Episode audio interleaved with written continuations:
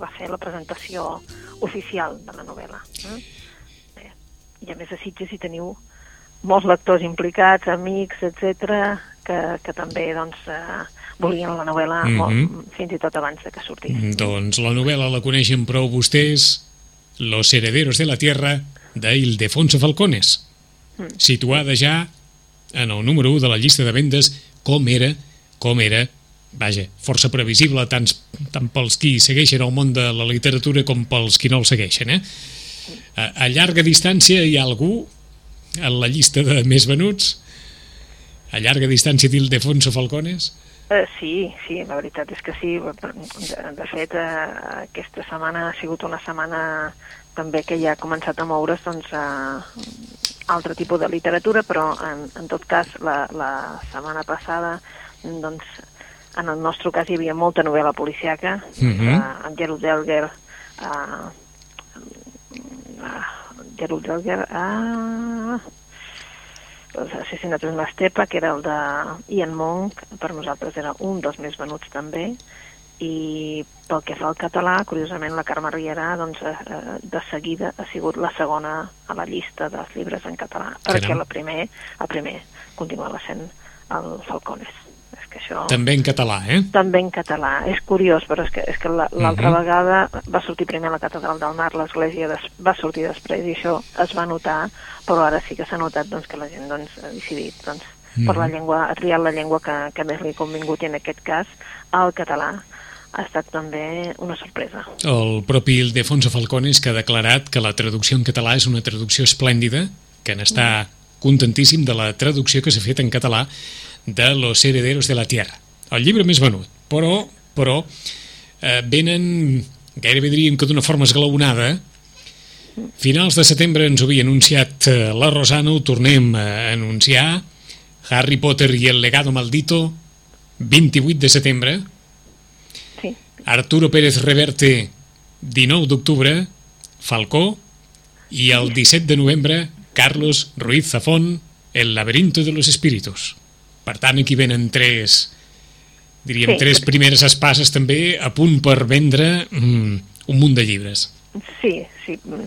Jo diria que potser hem, hem de ser sincers el que més, més, més vendrà Sí. De, bueno, Harry Potter està sent una sorpresa, eh? Sí? Harry Potter serà una sorpresa, sí. Sí, sí, perquè jo creia que el ser una obra de teatre doncs potser costaria més i està clar que els que els agrada Harry Potter llegiran Harry Potter tant si és obra de teatre com si és novel·la. I s'ha acabat, saps? Perquè tenim així com a molts encàrrecs i això fa veure, fa preveure que, doncs, que serà un èxit terrible. Uh -huh. Però davant de, del, del senyor, ja ho saps que davant del Ruiz Zafón mm, pocs igualaran la, la, la xifra, eh? Pocs igualaran la xifra, perquè hi ha molta explotació per Ruiz Zafón. La veritat sí? és que n'hi ha molta, sí. Doncs sí, estem, però, esclar, eh, estem, a, estem a dos mesos vista. Estem a dos mesos vista, però com que ja ha sortit, ja ha sortit a la premsa i ha sortit a tot arreu, eh, la gent s'acosta i diu, però quan surt? Quan surt? Perquè a veure, costa recordar les dates, eh, tu, tu tenies apuntat i tal, però costa recordar les dates, però la gent sí que està expectant, a més a més, surt, si t'hi fixes, a, a res, a, a un mes de, de Nadal. Sí. O sigui, el perfecte regal de Nadal. Mm.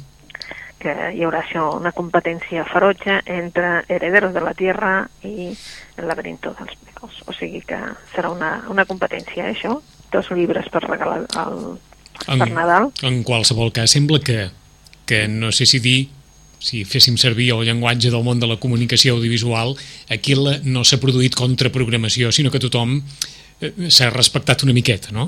Sí, per allò de dir, posem-ho posem una miqueta esglaonadament, fem les coses bé i que hi hagi, doncs això, eh, llibres que molt probablement es vendran, eh, es vendran eh, en gran quantitat, però uh, una mica, una mica situats, o ben situats en, el, en tot aquest temps que ens queda fins que no arribin les festes de Nadal, no? Exacte, sí, sí, sí, també per esguanuar.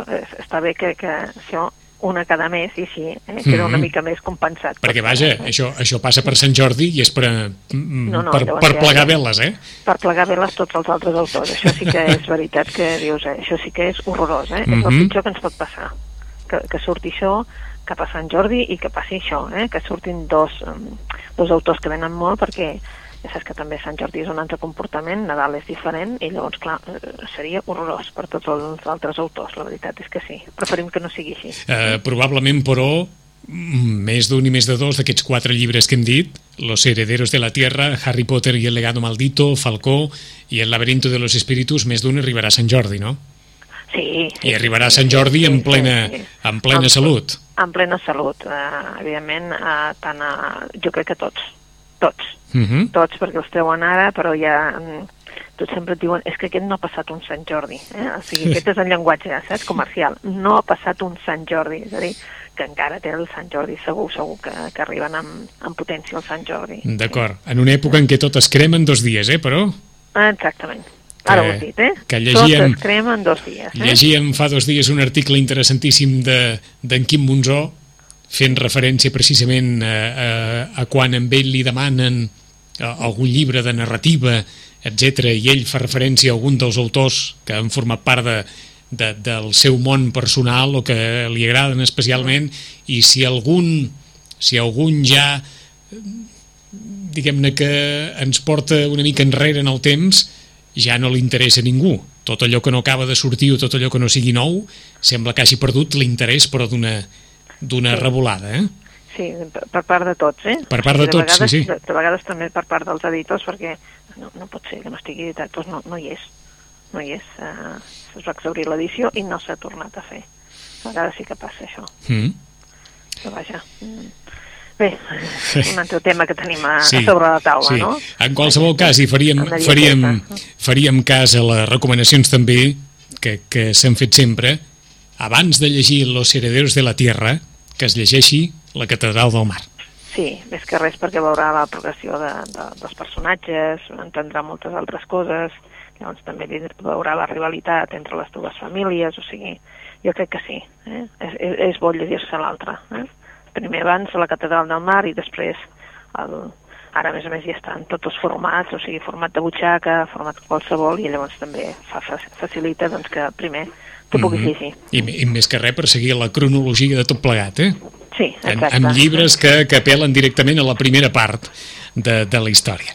Sí. Doncs el llibre més venut, Ildefonso Falcones, Los herederos de la tierra, per si algú en dubtava, en espera, com ens deia sobretot la Rosana, de, per una banda, Harry Potter, que està despertant expectació, però sobretot Carlos Ruiz Zafón, a dos mesos vista de la sortida del laberinto de los espíritus, ja hi ha un rum-rum molt evident de persones interessadíssimes en poder llegir la darrera novel·la de Carlos Ruiz Zafón. Eh, durant aquests dies, a part de, a part de Falcones, què hi fiquem en el, en el sac de les novetats, Rosana? Bé, doncs en el sac de les novetats. No una novel·la, sinó la novel·la. Eh? Vinga. La novel·la, eh?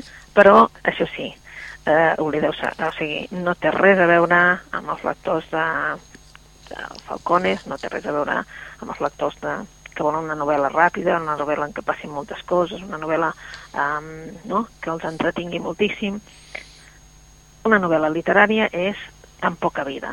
Acaba de sortir. De fet, havia de sortir demà, ho tenim ja a la llibreria, per això us ho, us ho puc dir. Sí, Uh, és la segona novel·la d'una autora que no, no s'havia publicat res aquí, que es diu Hanya Yanagihara. Mm, una autora nord-americana, eh? malgrat que ja, veieu que els seus cognoms són, eh? perquè la mare em sembla que era vietnamita i el pare potser hawaià, o sigui, de... però afincada a Nord-Amèrica, educada a Nord-Amèrica i ara, a més a més, doncs, mm, ella va estudiar a la Universitat de Massachusetts, però ara, a més a més, és directora literària d'una revista. Una autora que ens parla d'un llibre en el que hi ha només quatre personatges. Quatre personatges que són els, els centrals, eh? Ahà. Evidentment surten algun altre, però és la, la història de quatre amics. Quatre amics que comparteixen tot el que es pot compartir, doncs els somnis, eh, les, eh, la lluita diària, eh, tot allò que anem aplaçant, tot allò que tenim a dintre. Són quatre amics, però no són quatre amics des de petits, són tre- quatre amics des de la universitat. Des de la universitat, la novel·la se situa 10 anys després, però va fent referència al moment en què es van coneixent, o sigui, però tan poca vida, doncs segueix la vida d'aquests quatre homes, eh? amb, els destins d'ells eh, es van conèixer a la universitat, van començar allà la seva amistat, una amistat que ja podeu pensar, vull dir, de, de, de camarades, per entendre'ns, no? Sí. Eh, i, I sí que hi ha un personatge, un, que és el Jude. En realitat els personatges són eh, el Willem, que és un actor, eh, el Malcolm, que serà arquitecte, eh, el JB, que serà pintor, i el Jude, que és advocat.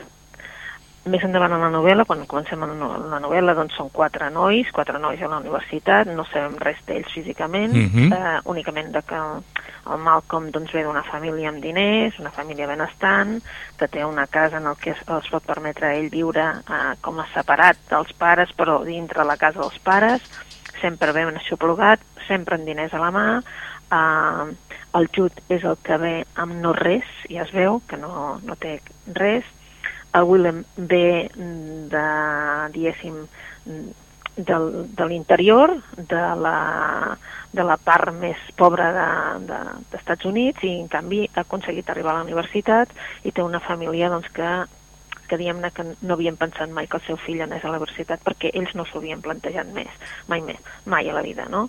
Té un germà en un principi doncs, amb minusvalia i això l'ha marcat molt i després el JB que anem coneixent també coses d'ells. En definitiva, és la vida d'aquests quatre nois, però us hem de dir que té mil i alguna la novel·la, mil, i Mil, de pàgines. mil vuit pàgines. Mil vuit pàgines, però són fantàstiques. Hi ha un moment, ja, ja, l'altre dia vaig llegir un article en que deia potser arribarà un moment que la voldràs deixar. Error, no la pots deixar. Eh. Uh, potser hi haurà un moment que maleiràs a l'autora, sí, però no la pots deixar. Però també us dic... Eh? eh, eh, estàvem llegint una crònica del Confidencial que Sí. apunta exactament el que ens acabes de dir. Diu, Però- los, diu, los lectores de tan poca vida... Va, vaja, entre les paraules de la Rosana i el que estem llegint, és difícil no pensar en anar a comprar aquesta novel·la. Eh? Sí. Diu, los lectores de tan poca vida deben luchar también para salir vivos de una novela durísima, por momentos casi insoportable, porque una vez empezada, abandonarla no es una opción.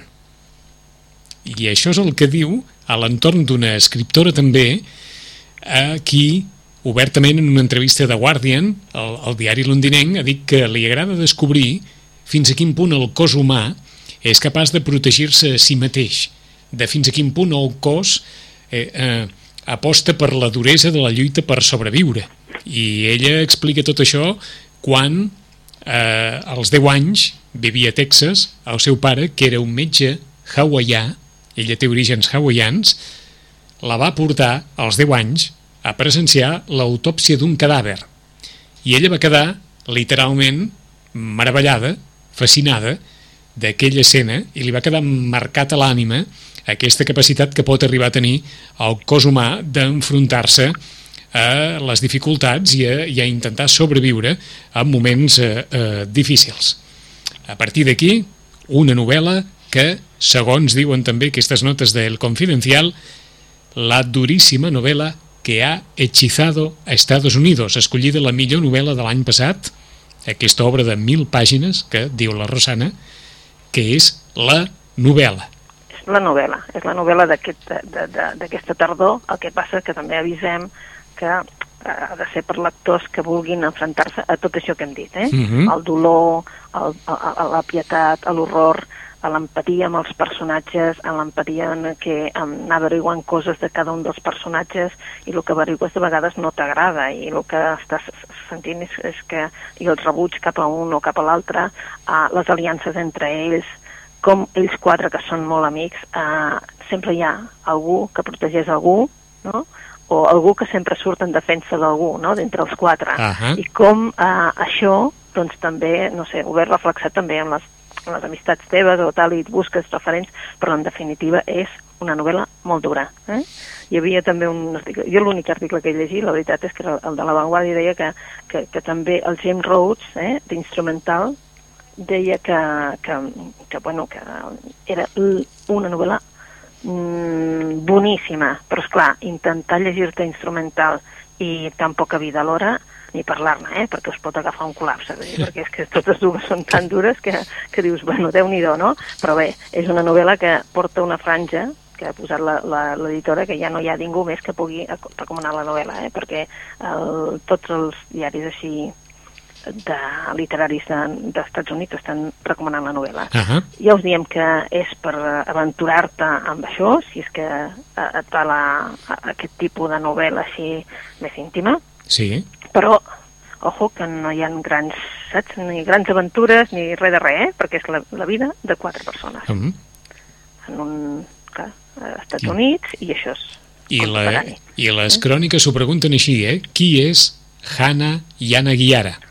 Sí. Escriptora de 41 anys. Sí. Nascuda l'any 1975, eh? I, el, i els diaris diuen que sembla mentida, sembla mentida. Aquelles paradoxes d'una dona que ha sabut retratar amb una, amb una fidelitat quirúrgica la vida d'aquests quatre amics universitaris, la vida i com el passat, en fi, tot allò que hi puguin posar en, com deia la, la Rosana, una novel·la de la, de la qual els crítics em diuen no és novel·la de grans esdeveniments, és novel·la en la qual passen coses d'especial transcendència i, i potència. Per tant, qui s'hi vulgui ficar, la novel·la, la novel·la, diu la Rosana, és tan poca vida poca vida. Caram, quin inici avui, eh? Quin inici, eh? Però, bé, però tenim altres que són eh, també bones sorpreses, però Vinga. que no, eh? Mira, per exemple, eh, tothom estarà content de saber que tenim una nova novel·la de Henning Mankell, mm -hmm. malgrat que ell va morir, ja ens en recordem, però eh, hi havia una novel·la per, uh, per editar, que era una novel·la que venia també amb el mateix protagonista, no amb el Wallander, no és una novel·la de, de de l'inspector uh -huh. eh, de l'inspector Wallander, sinó una novel·la en què venia relacionada amb sabates italianes que a Sabates Italianes era aquella novel·la en què hi havia un, un, un metge, un metge ja gran, eh, que doncs un, que bon dia ell ja viu retirat i li arriba, en les sabates italianes, li arriba una persona, la, el, seu, el seu amor quan era jove, eh? i la Harriet, que, és, que està greument malalta, i li demana que compleixi allò que havien decidit. Bé, aquesta era sabates italianes. Ara ens trobem uh, aquesta després, a Botes d'aigua sueques, eh, que és aquesta nova novel·la de, de, de, Mankel que tenim a sobre la taula, tant en català com en castellà, que ens trobem el mateix personatge, Frederick Welling, eh, que evidentment ja és més gran encara, es desperta, a, a, està dormint a casa, es desperta quan s'està incendiant la casa. A partir d'aquell moment, clar, ell surt corrents, però amb tanta pressa, hem de pensar que ronda els 70 anys, eh, amb tanta pressa, doncs eh, surt amb dues eh, botes d'aigua, però totes les dues són del peu esquerre. Eh? Um, evidentment la casa queda arrasada, ell ha d'anar amb una caravana a, a dormir i a partir d'aquell moment eh, es comença a escampar el, el comentari de que la casa és ell qui l'ha cremat. Mm? Clar, es troba en aquest, eh, clar, una persona gran, retirada, que li vingui això a sobre, eh, que ell és metge, no sap si controla bé, si no controla bé, ell està totalment eh, sap que no, que no, no ho ha fet ell, però és clar, eh, la Louise, aquella filla del Frederic que ja venia de sabates italianes, que ell descobreix que és filla seva, no? Mm -hmm. No mm, descobreix molt gran eh, quan arriba la Harriet, doncs bé, arriba a l'illa, però mm, tot això amb ell el sumeix amb un desconsol terrible, perquè veu que, clar, se, se li costa ja molt ràpidament la bellesa, no? Um, ara el que voldria és doncs, saldar tots aquests comptes que he tingut amb la vida i, bueno, doncs, si ens acostem cap allà doncs, hem de fer net, no? Però resulta que coneix una periodista, una periodista que vindrà a investigar l'incendi i a partir d'aquí, doncs clar, amb ella, quan coneix a l'Elisa, eh, se li comencen a remoure moltes coses, eh, feia temps que, que no pensava que tingués tots aquests sentiments i això fa que se celebra al cap d'any per celebrar amb els amics el fet, el fet d'estar encara viu. Botes d'aigua sueques ens porta doncs, una novel·la, una, una altra bona novel·la de Henning Mankell, no d'aquelles que, que teníem a la taula sempre, que són les de Wallander, però sí una novel·la que ens porta doncs, un personatge que, doncs això, s'enfrenta a la bellesa, però també s'enfrenta a tots els... A, a tota una sèrie de problemes. Mm -hmm. I encara apuntem un element més a l'argumentari que ens acaba de comentar la Rosana. Quan la nit de cap d'any el metge decideix celebrar una petita festa en què convida els seus amics, hi ha un incendi en una altra casa d'aquest arxipèlag d'illes on viu. Per tant, tot, tot plegat una, una trama d'aquelles que, que permet d'alguna forma fer anar una miqueta al cap, eh? Encara, Exacte, que la, sí. encara que la novel·la no porti un inspector al damunt... Ah, exacte. Eh, És una novel·la policíaca, però, vull dir, com de, del misteri, potser, Ah, exacte, no? anava a dir, Misteri, té, té, eh? això, té això misteri. punt més de novel·la de misteri, eh? Exacte. Doncs en la novel·la de misteri també hi ha un altre foc en una altra casa, tot i que el protagonista de la novel·la és inculpat o d'alguna forma acusat d'haver estat el causant de, eh, eh, del foc a casa seva, a la seva pròpia casa. És Botes d'aigua sueques, la, diríem la novel·la pòstuma de Henning Mankell, va morir, saben vostès, a la tardor del, del 2015, aproximadament fa, fa un any, és novel·la acabada d'editar per, per Tusquets, Botes d'aigua sueques. Més novetats o més recomanacions, Rosana? Bé, doncs mm, potser una recomanació, perquè és novetat sí, és novetat sí, però realment és un llibre que ja estava publicat.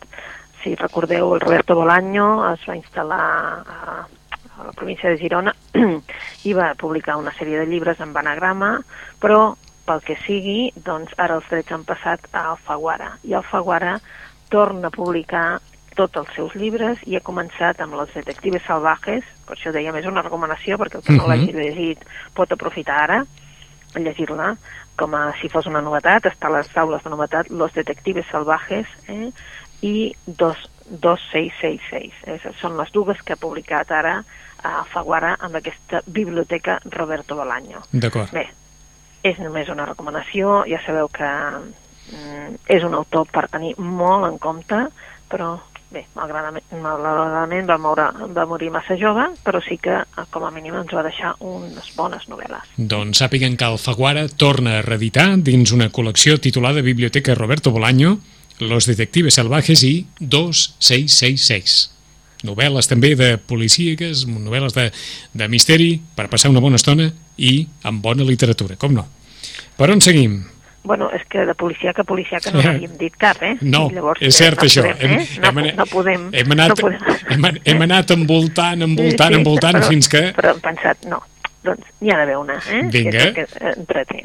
Doncs bé, eh, fa qüestió potser de 3-4 anys, potser 3, que va sortir un autor que es diu Samuel Bjork i només teníem una novel·la, Viajo sola quan te la miraves veies una, una figura d'una nena i penses, ai, ai, ai, ai una, una, una novel·la en la que apareixen criatures, sempre és un, un mal tràngol, no, no les vols llegir perquè et remou massa i dius no.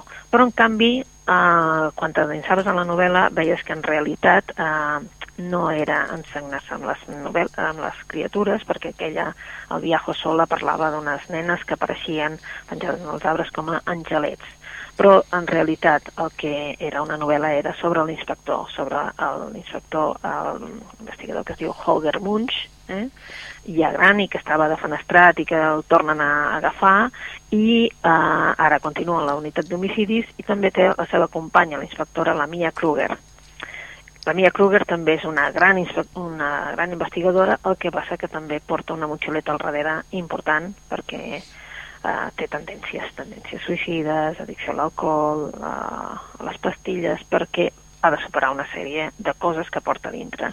Però, en canvi, quan la centren en un cas és uh, brutal i ells dos formen un tàndem que va ser el que va resoldre el cas del Viajo Sola i ara Ahà. desapareix amb una nova novel·la, El Búho. El Búho uh, és el, aquell ocell de la mort, eh? però ara el cas és una nena, una adolescent, que en principi desapareix de- d'un de, d'una casa de, de nens amb problemes, no? I després, poc després, la troben en el bosc.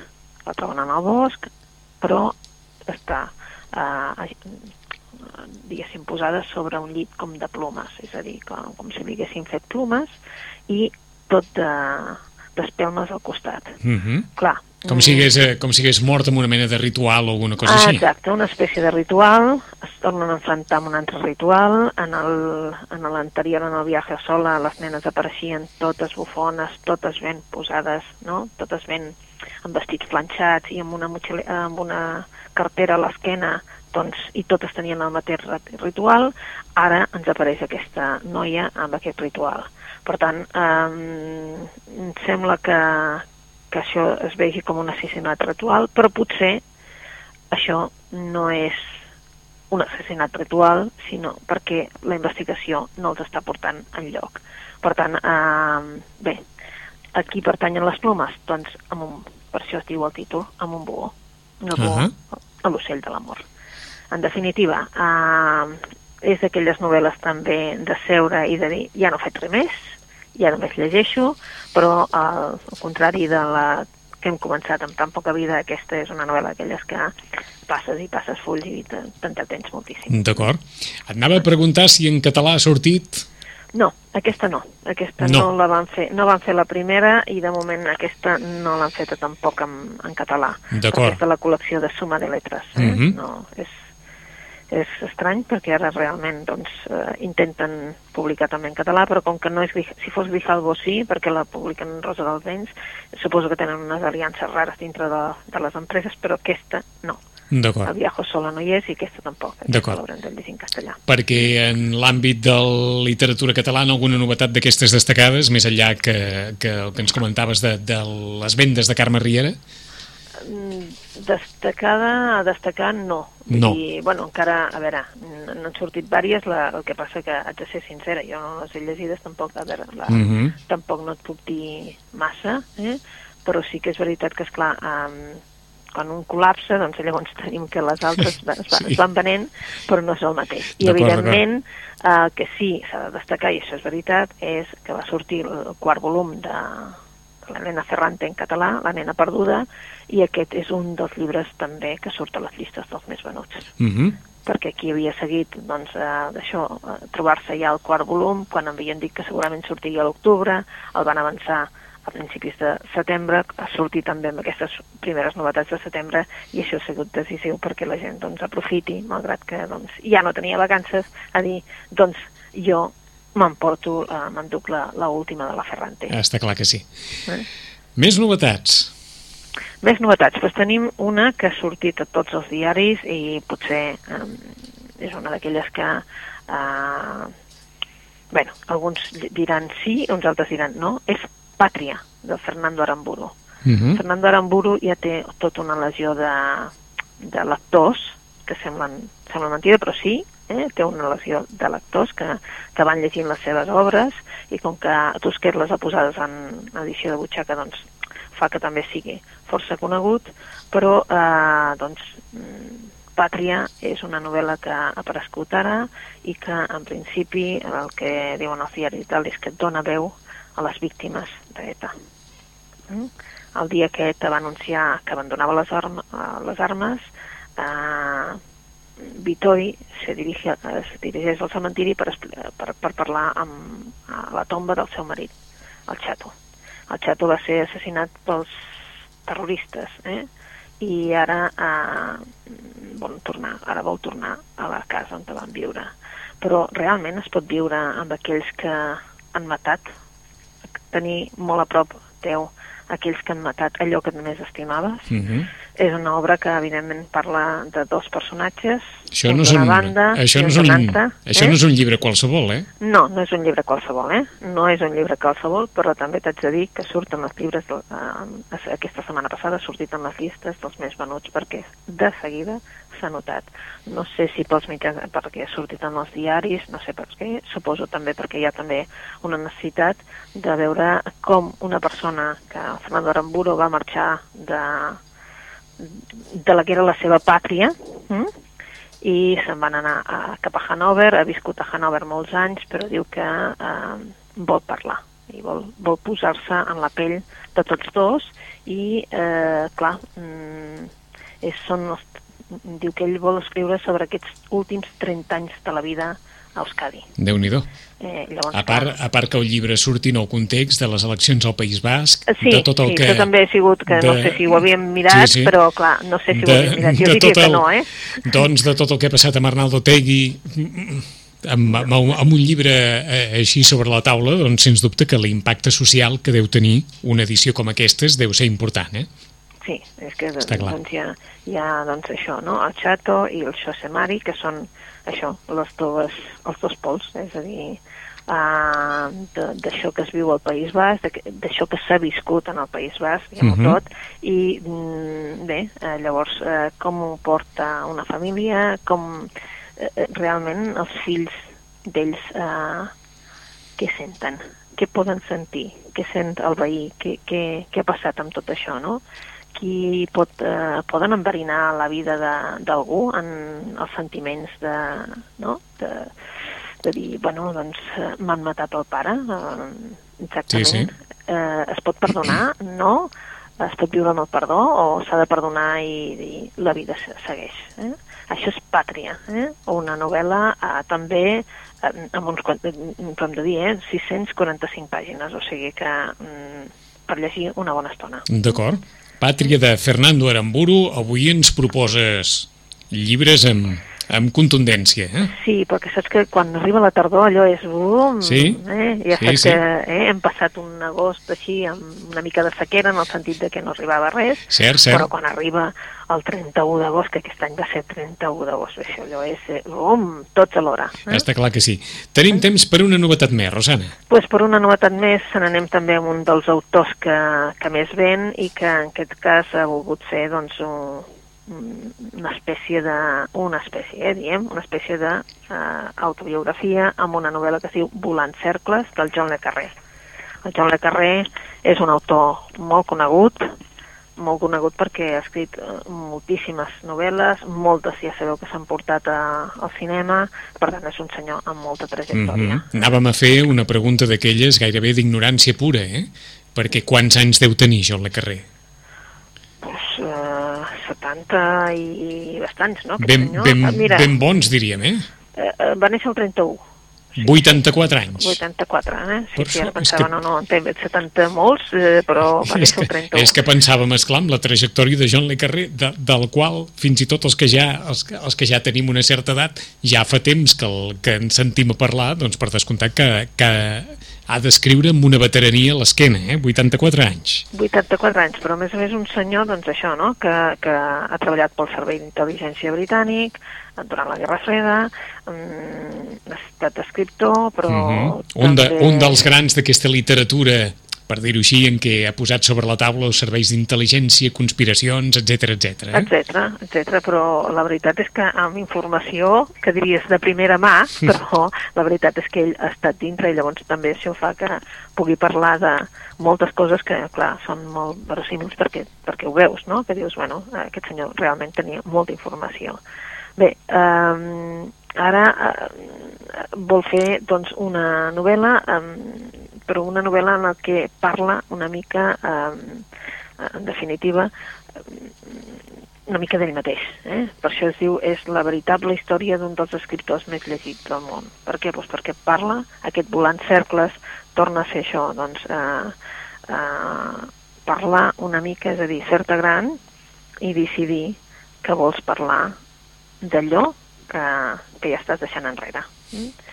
Eh, torna a estar, ha sigut un, també un dels llibres que aquests dies s'ha venut més, eh, volar amb cercles tant en català, és curiós, veus, allò que dèiem, quan l'editen en català, doncs si s'edita eh, al- alhora fantàstic, si no, doncs la gent el llegeix més en castellà, Sí. però sí que és veritat que aquest és eh, es llegeix més en castellà, però sí que ha, ha sigut també un dels llibres que s'ha venut, eh? D'acord. Bueno, eh, és això. Eh, ha decidit escriure una espècie de, de novel·les perquè és, aquesta és la història de la vida de l'autor i per tant la història també de- d'aquella segona meitat de, del segle XX però també de tot això que, que ha passat, eh? de la Guerra Freda, serveis de- d'espionatge, tot allò que, que, que ha passat al costat nostre, no? Mhm. però que, que, en definitiva, si no llegem una lle novel·la com aquesta, una novel·la d'espies que es deia abans, sí. doncs no sabem realment el que ens estava passant al costat. Tan, tan bé que ho has definit, en una època en què, en què ara s'està compartimentant i, sí. i utilitzant una mena de llenguatge molt... Sí. Vaja, molt, molt anglosaxó una, sí. un, eh, i, i ho has dit tant a la manera de, de les àvies, una novel·la d'espies és que és una novel·la d'espies vull dir, ell, ell el que Exacte. ha fet tota la vida ha sigut novel·les d'espies eh? sí senyora i sí que és veritat, Vicenç, que hi ha molt poca gent que ja et digui uh, si jo vull una novel·la d'espies eh? està clar, està clar però, però en definitiva, per... és clar, tot això que diem del do per això m'ha fet, per això fet gràcia que ho diguis sí, així, una novel·la d'espies sí. una novel·la com, com, sí, hem dit, com hem dit abans, una novel·la de misteri Exacte, una novel·la de doncs misteri, això. una novel·la d'espies, i així tothom ho entén, perquè, és clar nosaltres tenim les categories aquestes de, no, del thriller o no sé sí, no? Sí. La gent, això del thriller diu novel·la d'intriga, punt. Eh? Exacte. Eh? Exacte. Doncs, deixem, eh, deixem davant d'un debat, eh, eh, acabem de passar la setmana del llibre en català, mm. i, i per tant aquesta reflexió que feia la Rosana de fins a quin punt és important que les edicions de llibres, si apareixen en els dos idiomes, en català i en castellà en el mateix moment, hi ha una predilecció per la llengua catalana, però està clar, si no apareixen en el mateix moment, és lògic també esperar que, que un lector que tingui delit per llegir una obra doncs no s'esperi a, la, a la traducció en català si ja la té disponible en castellà. Això per un costat i per un altre, l'eterna reflexió també que es feia durant la setmana del llibre en català, que si s'està editant massa, que si hi ha massa llibres, que si s'estan editant eh, eh, coses que potser no valdria la pena editar, que si hi ha una sobreoferta enorme que, que està literalment eh, eh, escombrant les altres propostes interessants que puguin haver-hi enmig de, de tot aquest devessall de, eh, de volums. I això continua sent un debat que hi ha sobre la taula, eh, Rosana? Sí, és un debat que hi ha sobre la taula, però si, si recordes, eh, tu que, que fas programa des de fa molts anys, és un debat etern, o sigui, uh mhm. -huh. sempre hi ha estat a sobre la taula. L'únic que potser ara és més punyent pel fet de que, doncs, com que tot està pitjor en el sentit econòmic, no? doncs eh, està clar. hem dit que hi ha massa llibre editat, vull dir, n'hi ha masses, masses títols, on es tapen els altres, no hi ha temps de fer això promoció d'un, que ja està sí, sortint sí. un altre, anem massa ràpid, però és clar, ara encara és més punyent el fet perquè, és clar, la gent doncs, té un, una despesa està clar. inferior. I llavors, clar, com que hem de decidir en què ens gastem els diners, doncs, clar, es veu encara molt més mm -hmm. aquesta so sobrecàrrega de doncs, doncs fent el resum d'avui, gairebé llegint a la Rosana, i això deu ser també una qüestió de dos anys d'experiència, si s'han de gastar els diners, se'ls gasten amb tan poca vida. Eh? Sí, sí, de, si, són de tots... de, si són lectors d'això, eh? si no, Exacte. eh, que escollin el seu llibre, que és important. Eh? Exacte, però en qualsevol cas, per la Rosana, tan poca vida és la novel·la, o un dels llibres per, per escollir. Hem parlat d'aquesta segona novel·la de Hanya Yanashigava, un, una, una autora nova en el panorama, però amb una novel·la com una casa eh, de pagès. D'Ildefonso Falcones, gairebé no cal promocionar, el llibre més venut hores d'ara, Los herederos de la tierra. Continua venent-se aquesta segona part de la Catedral del Mar. De Henning Mankell, l'autor ja és... Eh, ja és mort, però en qualsevol cas la novel·la és ben viva. La història d'un metge de 69 anys, se li crema la casa, hi ha tot, un, hi ha tot un, una trama tot especial de misteri en aquesta obra que és Botes d'aigua sueques, acabada d'arribar. Uh, Alfaguara, redita la biblioteca de Roberto Bolaño, amb dues novel·les de misteri, Los detectives salvajes i 2666, de Samuel Bjork, una història també d'intriga titulada el Búho, dos inspectors, inspector i inspectora, que s'enfronten al cas d'una adolescent que surt del reformatori i és trobada morta sobre la base d'un matalàs de plomes i envoltada d'espelmes. I per acabar les recomanacions, Pàtria, de Fernando Aramburu, la història de les víctimes d'ETA des d'un costat i des de l'altre, vist des de, des de les dues perspectives, i de John Le Carré, Volant cercles, una altra novel·la d'un dels clàssics de la literatura d'espies, com hem dit sempre. Rosana, bona lectura i ens retrobem en 15 dies. En 15 dies amb vosaltres. Gràcies, adeu-siau. Adeu. I a tots vostès, demà a les 9 tornem, demà amb les pobilles i els hereus, entre altres coses, i també amb una novel·lista. Demà a les 9 i tornem a ser aquí. Bon dimecres, adeu-siau.